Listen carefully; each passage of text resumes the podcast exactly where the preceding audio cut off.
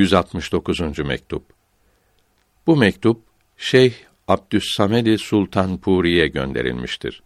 Mürşid-i Kamil ne zaman ve niçin lazım olduğu bildirilmektedir. Alemlerin Rabbi olan Allahü Teala'ya hamdolsun.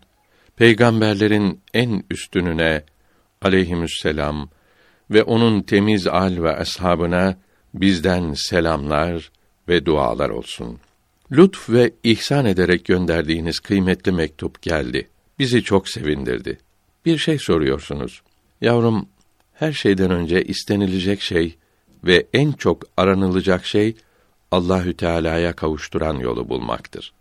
Fakat insan önce dünya işlerine dalmış, birçok ihtiyaçlarına sarılmış olduğundan pek kirli, çok aşağıdır.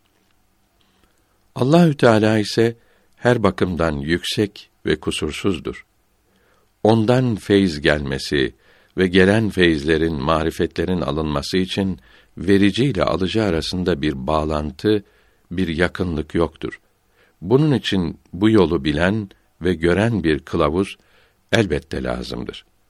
Bu kılavuzun hem alıcıyla hem vericiyle bağlantısı olması şarttır. Ancak böyle olursa aracılık yapabilir. Alıcı vericiye yaklaştıkça kılavuz kendini aradan çekmeye başlar. Talip yani alıcı matluba tam bağlanınca rehber aradan büsbütün kalkar. Talibi matluba aracı olmadan kavuşturur. Bunun içindir ki başlangıçta ve yoldayken aranılan şey rehberin aynasından başka hiçbir yerde görülemez. Sona erenlere rehberin aynası olmadan matlup kendini gösterir. Vaslı üryani hasıl olur.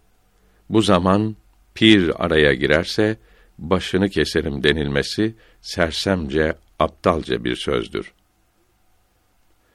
Doğru yolda olanlar böyle konuşmazlar. Edepsizlik etmezler. Her istediklerini pirin bereketinde ararlar ve bulurlar. Vesselam.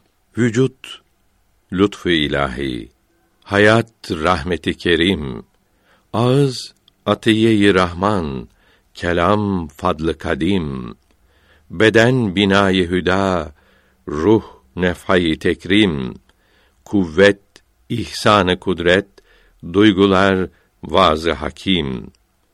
Bu dünyada bilseydim ben neyim hem neyim var.